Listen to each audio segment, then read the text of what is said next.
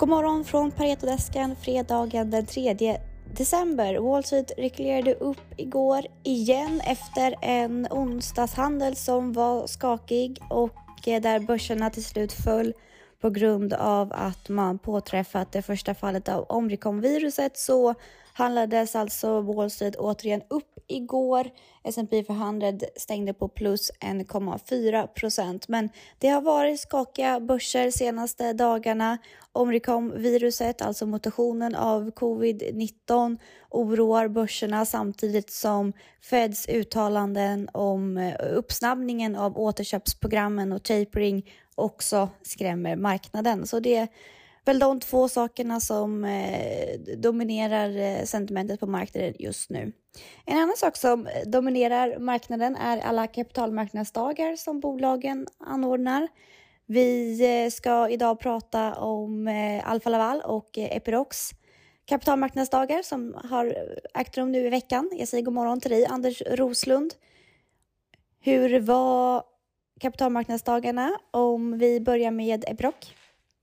Ja, det var, handlade ju mycket om framtiden, det vill säga gruvautomatisering och gruvelektrifiering. Och det är två trender som just nu är väldigt starka, precis som på bilsidan skulle jag säga. Det är egentligen en parallell utveckling på sitt sätt. Vad tycker du var allra, kom det fram någonting nytt eller var det någonting annat intressant på Epirocs kapitalmarknadsdag? Är ju eh, en stark efterfrågan eh, från gruvindustrin på att investera eh, och plocka fram mer metaller och det är de höga metallpriserna som driver den utvecklingen. Och man kan konstatera att i det korta perspektivet är de ju väldigt positiva. De har ju sedan tidigare lagt en prognos om att Q4 ska vara lika starkt som Q3. Och då kan man jämföra med Atlas Copco som de kommer ifrån som sa att deras Q4 nog kanske blir lite svagare orderingång än vad den var i Q3. För vi kommer från väldigt höga nivåer så att man får nog betrakta deras kortsiktiga outlook som väldigt bullish och på lång sikt är de ju också väldigt bullish att de här långsiktiga trenderna elektrifiering och automatisering ska driva efterfrågan. Ja, för gruvindustrin är ju väldigt eh, hett och efterfrågan på metaller inom just det du beskriver är ju väldigt, väldigt hög. Ja. Hur ser du på det här? Är det, och hur ser du på Epirocs del i det här? alltså Epiroc är ju fokuserade eh, tillsammans med Sandvik på underjordsgruvverksamhet i huvudsak. De har också betydande verksamhet på ovanjordsgruvor men det är underjord som är deras unika, deras USP. Och eh, där finns det en del trender som, som pekar på att underjordsgruvor kommer växa mer än ovanjordsgruvor av den enkla anledningen att när metallerna tar slut på ovanjord så går man under jord. Och, och, så pekar de då på massa undersökningar som säger att andelen underjordsgruvor kommer att öka på koppar från 25 procent av produktionen idag till 33 procent eh, 2030 och, och 40 procent eh, 2040. Så att det finns en trend som är positiv för underjordsgruvor. Så att det är positivt både på kort och lång sikt. Mm, och på lite kortare sikt då, tycker du att man kan äga Epiroc? Ja, behåll och det är egentligen enbart därför att alla andra är överens med mig också om att det här är ett fantastiskt bolag med en fantastisk marknad. Så att ebit som vi tittar på, eh, det är då 24 för 22 och eh, det är till och med lite högre än Atlas och, och det är högst i verkstadssektorn om man undantar Nibe. Så att det är faktiskt ett av Sveriges högst värderade verkstadsbolag.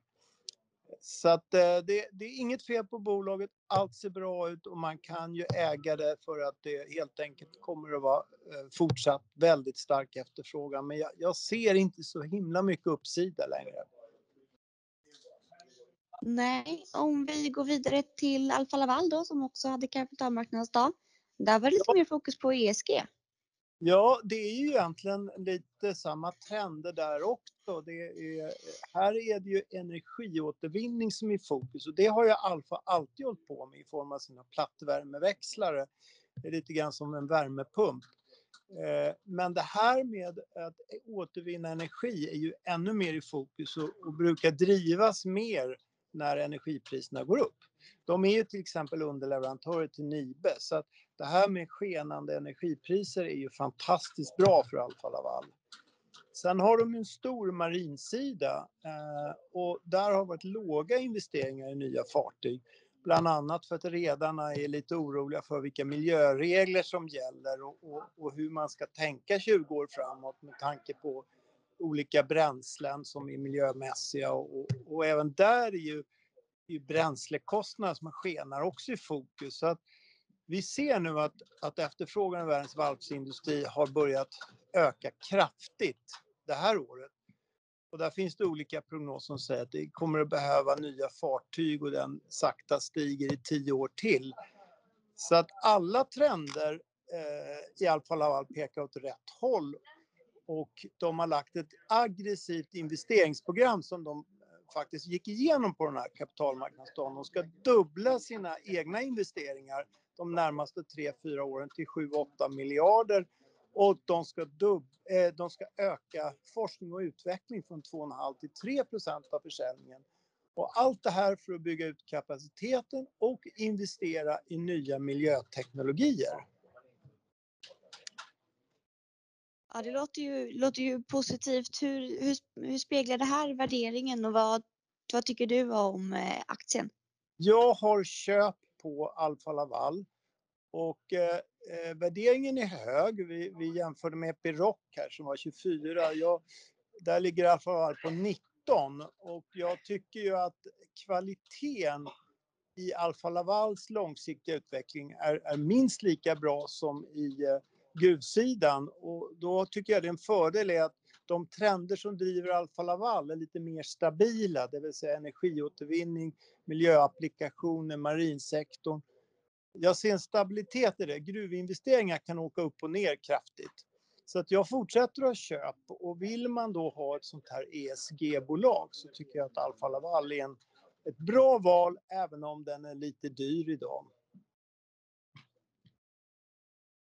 Ja, är det någonting annat du tycker att man ska ha med sig nu när bolagen börjar sammanfatta åren och verkstadsindustrin börjar blicka in mot 2022? Vi är ju inne i ett eh, stim av kapitalmarknadsdagar. Det var senast Trelleborg igår och alla bolagen försöker nog vara lite mer optimistiska när det gäller sina tillväxtmål och det var också tydligt i både Alfa Laval och Epiroc att man liksom tar sina gamla tillväxtmål och så säger man ja, vi kommer nog att driva det lite bättre ändå. Och det är ju för att vi har ett par, tre år kanske väldigt bra tillväxt framöver och då eh, vill nog företagen visa att vi växer för att vi är så duktiga men i själva verket är det kanske så att det är en allmänt stark tillväxttrend just nu. Tack så mycket för att ni har lyssnat den här veckan. Vi är tillbaka igen nästa vecka. Ha en riktigt trevlig helg.